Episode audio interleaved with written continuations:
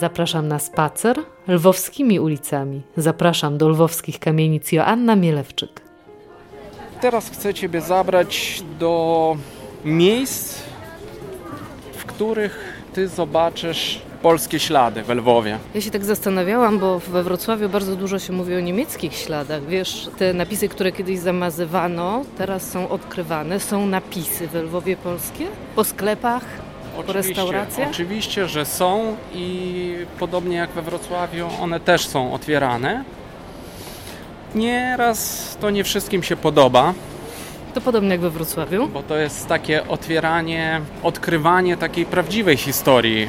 Historię można napisać, wiesz, w zależności od panującego systemu politycznego i dlatego my możemy po tych śladach zobaczyć tą prawdziwą historię. Absolutna przyjemność przed nami. Spacer po Lwowie i rozmowa o korzeniach i o tożsamości z kapitalnym przewodnikiem, ale od początku. Dziś ta historia jest dla mnie i z pewnością dla Państwa również symboliczna. Tym bardziej chciałabym, żebyśmy wybrali się do Lwowa. Ja w nim byłam jesienią ubiegłego roku, trochę żeby sprawdzić, jak poczuję się w mieście, za którym tak tęskni wielu moich rozmówców. I muszę to powiedzieć. To było ogromne przeżycie i zrozumiałam każdą jedną opowieść o tęsknocie, o smakach z dzieciństwa, o wijących się to w górę, to w dół ulicach. Architektura miasta jest inna niż nasza wrocławska. W Lwowie spotkałam fantastycznych ludzi i jednym z nich jest bohater dzisiejszej audycji, Paweł Derunow, dzięki któremu usłyszą Państwo o wielkiej miłości do miasta, o polskich korzeniach i o niezwykłej babci. Wędrówkę zaczynamy.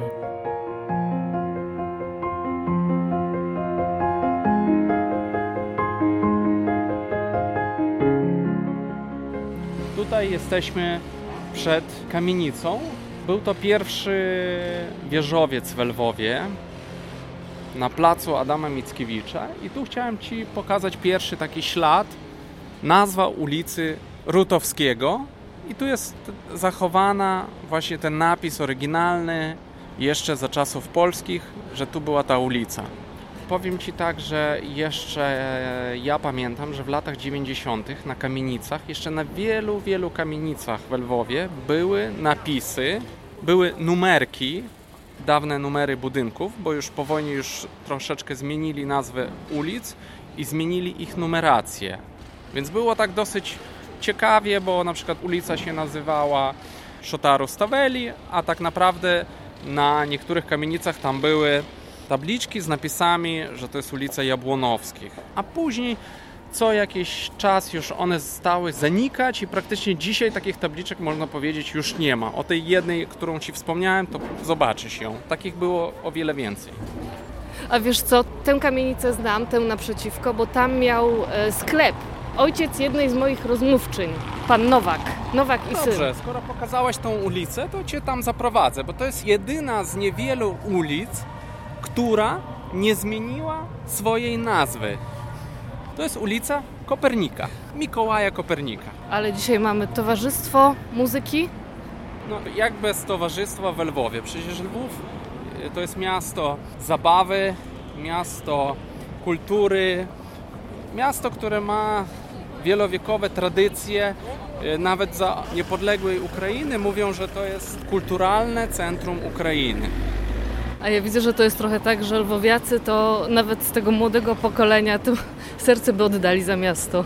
Tak jest, bo jest nawet taka piosenka, że jeden kocha Warszawę, drugi Wilno i Kraków, jeden ma kochankę, drugi ma filiżankę, drugie wina szklankę ma, a ja po prostu kocham swój jedyny Lwów. I to tak rzeczywiście jest.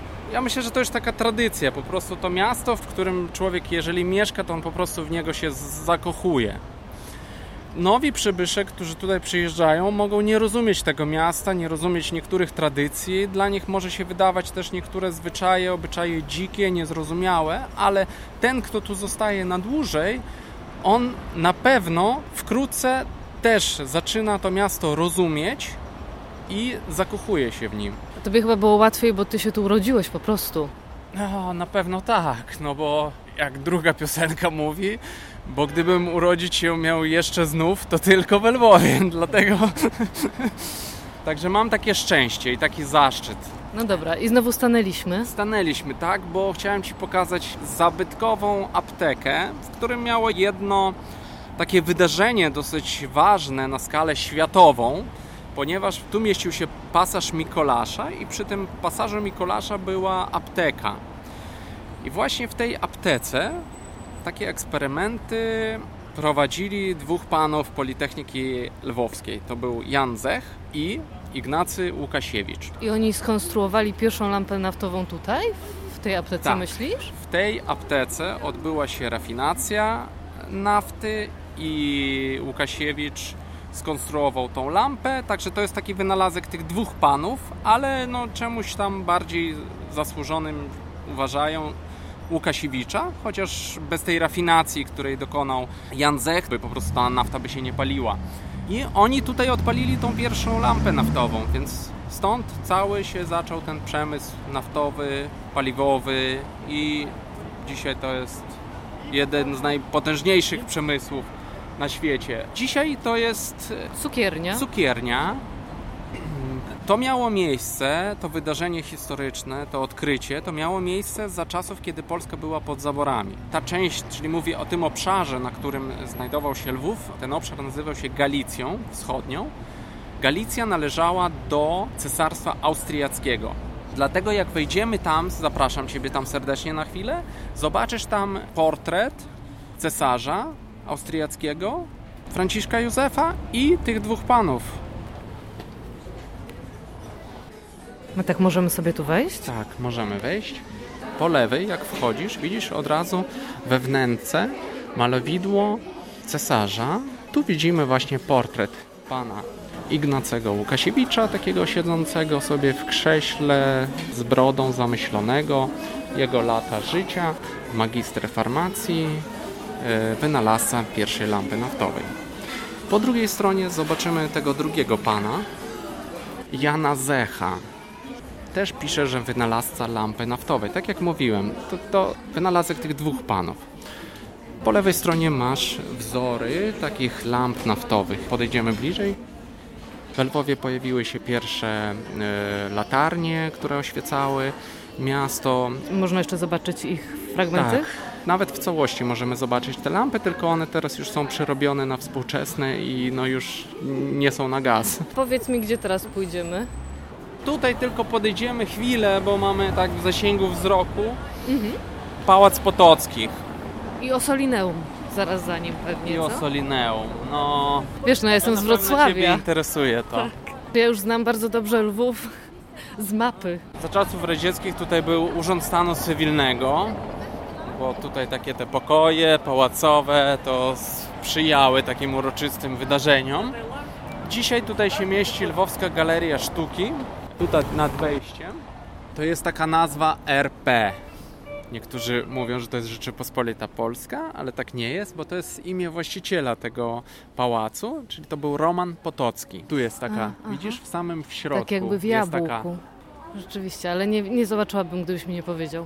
Lwy podtrzymują balkony. Dużo jest lwów w Lwowie. No to jest miasto Lwów i tak się też kojarzy z lwami, Mieszkańcy miasta siebie kojarzą z lwami, bo są tacy odważni. Odważnie od wieków bronili swojego miasta. W herbie miasta Lwowa mamy lwa, który stoi w bramie. Brama jest otwarta, to znaczy, że miasto jest otwarte, ale jest otwarte na gości i na przybyszy, którzy przybywają z dobrymi chęciami. A lew jest po to, żeby weryfikować, jeżeli ktoś przyjdzie z haniebnymi zamiarami, to lew pokaże kły. Także idziemy dalej, bo jeszcze naprawdę mamy dużo. Idziemy do pomnika Mickiewicza. Dobra.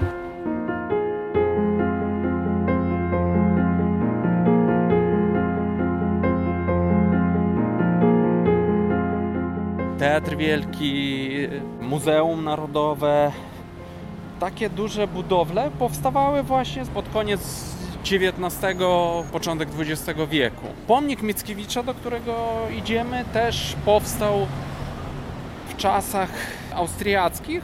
taka ciekawostka, że właśnie więcej pomników takich patriotycznych z polskim akcentem powstawało w czasie zaborów.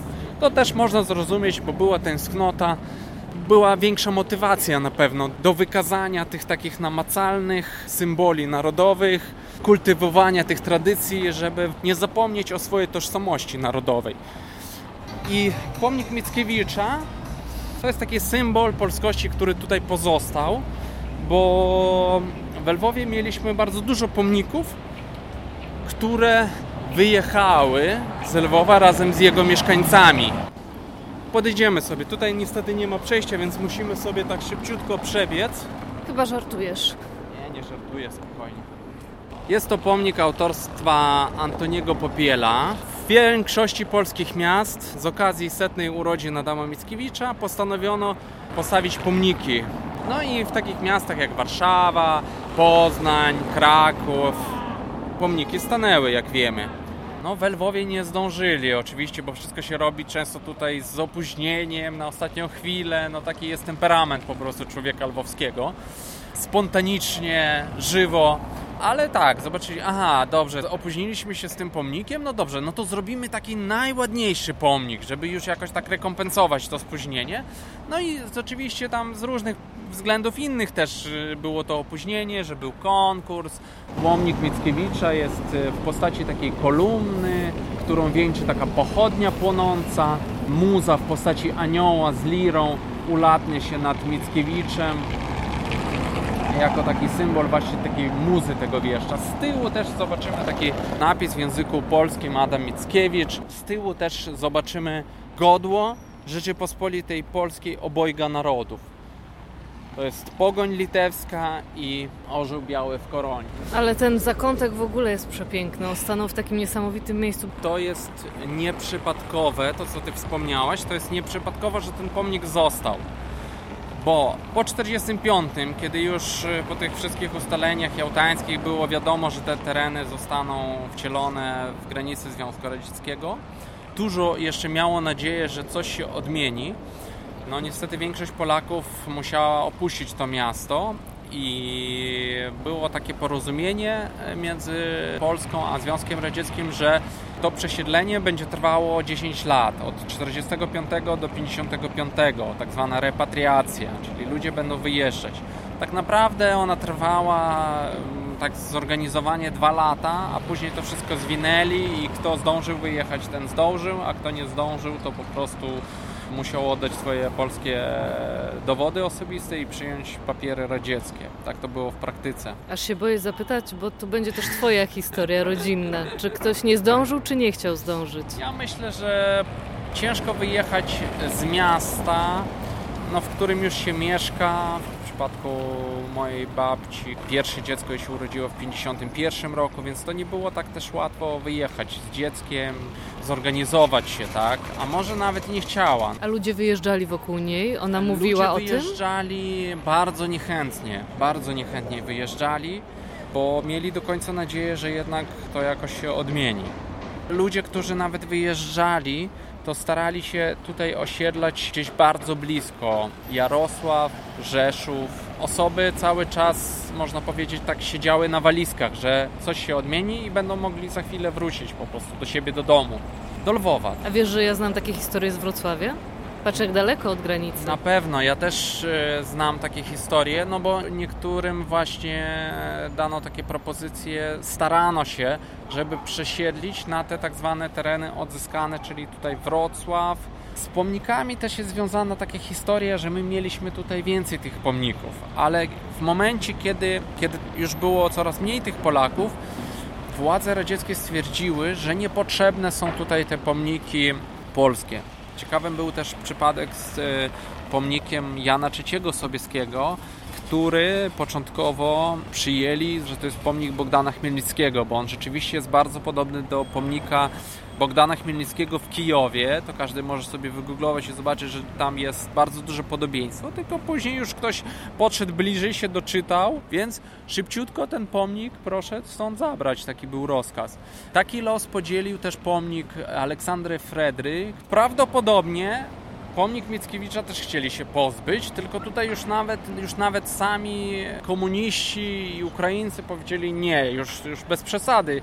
Powiedziałeś, że ten pomnik jest w takim szczególnym miejscu i sobie wyobraź teraz, że tego pomnika tutaj nie ma. Jakby to wyglądało? Po prostu już sami mieszkańcy, nawet którzy ci tutaj przyjechali, to stwierdzili, że no po prostu to już będzie jakieś takie naprawdę Ogołocenie miasta? Ogołocenie miasta, no taki rabunek w biały dzień. No dobra, to z tego miejsca chciałabym, żebyś zaprowadził mnie do swojej kamienicy. Dobrze, idziemy.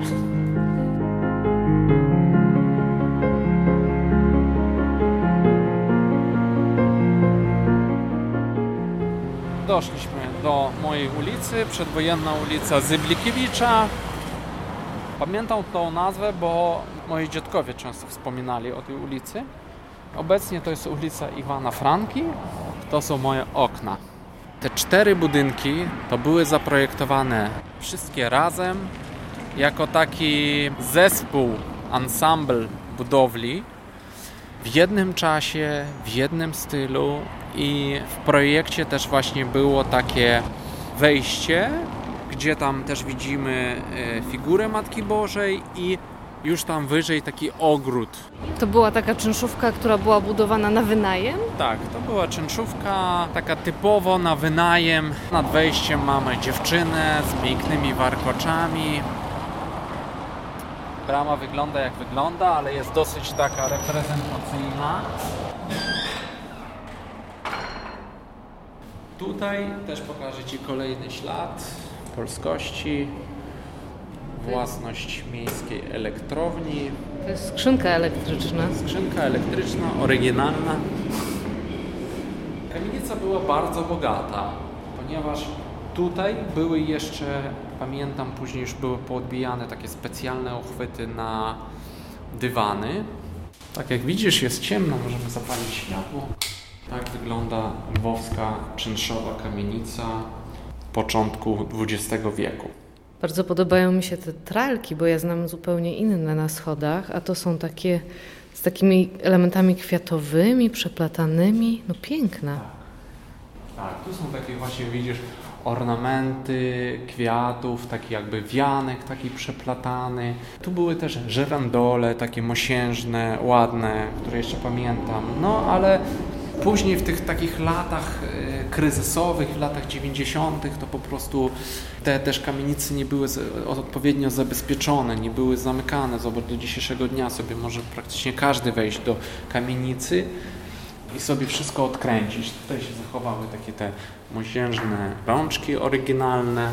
Tu u dołu, widzisz, one już zostały utracone. Ale to jest idealne miejsce, żeby na chwilę sobie tutaj stanąć. Tak i porozmawiać o tym, jak to się dzieje, że idziemy przez Lwów, a ty mi tak pięknie po polsku o Lwowie opowiadasz i no, tak wzruszasz się opowiadając o przeszłości Lwowa, o tej polskiej przeszłości, więc chyba nikt nie będzie miał wątpliwości, że twoje korzenie są po prostu polskie. Mam nadzieję, że nie, chociaż z tym się też spotkałem. Z wątpliwościami? Tak, kiedy przyjeżdżałem do Polski i mówiłem skąd przyjeżdżał, to mm, często mówili, że jestem ruski. No bo nieważne skąd, skoro ze Związku Radzieckiego, to znaczy, że no, jak tam mógł się Polak znaleźć. To jest tak trochę, że twoja babcia, twoja mama przekazywały to? Twoja babcia, no bo ona się tak, urodziła w polskim Lwowie. Tak i właśnie ona pamięta te czasy, kiedy Polaków było jeszcze o wiele więcej, kiedy no też musiała walczyć o tą polskość, chociażby przez to, żeby nie dać polskiej szkoły zamknąć. Więc no, w miarę możliwości staramy się kultywować te tradycje. Brakuje ci czegoś takiego polskiego? Jest coś takiego polskiego, czego cię babcia nauczyła i to jest dla ciebie bardzo ważne? Mi niczego nie brakuje, bo wszystko, co ona mi mogła dać, ona mi dała. Kim jestem, to jest wszystko właśnie dzięki niej. Można powiedzieć, że była taką no, patriotką, prawdziwą patriotką. Ja też staram się być. A to nie jest trudne być w takim trochę szpagacie, czy to jest wręcz przeciwnie, że to właśnie nie jest trudne, bo jest się kimś, kto ma korzenie w różnych kulturach? To na pewno nie jest łatwe, ale ja do tego się już przyzwyczaiłem. Nie jest łatwe, ponieważ bardzo często musisz tłumaczyć ludziom. Ludzie nie rozumieją, dlaczego, skąd, jak. Powstaje bardzo dużo pytań. W jaki sposób? Babcia nigdy nie żałowała, że nie wyjechała? Myślę, że nie. Trudno opuścić Lwów? Trudno. Ja myślę, że ona była taką osobą e, walczącą i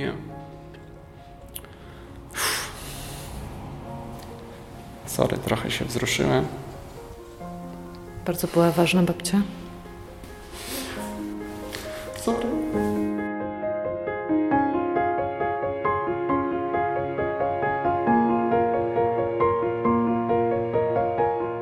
A jest tak, że ludzie, którzy przyjeżdżają z Wrocławia, którzy mają korzenie w Lwowie, z Rzeszowa, Przemyśla, to ci ludzie się bardzo wzruszają w Lwowie? Tak, ci ludzie się bardzo wzruszają, oni płaczą, ponieważ i ja ich rozumiem, ponieważ e, niektórzy nawet się boją tutaj przyjeżdżać, boją się tego wzruszenia, boją się tych wspomnień, bo to już jest inny świat. Bo kiedy my żyjemy i świat się zmienia razem z nami, to my to wszystko akceptujemy na bieżąco.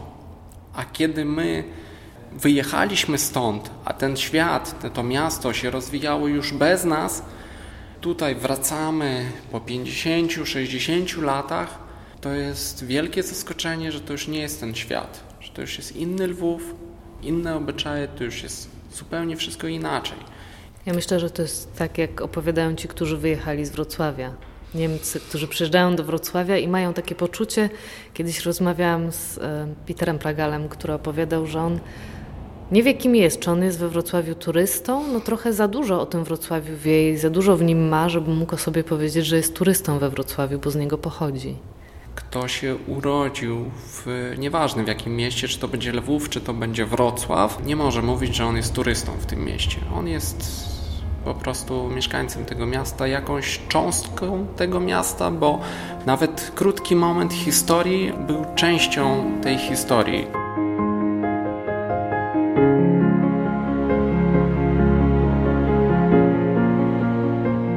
I jeszcze, to nie jest jedyna kamienica, którą z Pawłem odwiedziłam. Jest jeszcze jedna, także symboliczna, z rzeźbą Adama Mickiewicza, dłuta Leonardo Marconiego. Na facebookowej stronie audycji Kamienicy będzie o tej kamienicy opowieść. Proszę tam zajrzeć koniecznie, bo Lwów dla Wrocławia jest niezwykle ważny. A my słyszymy się za tydzień. Joanna Mielewczyk.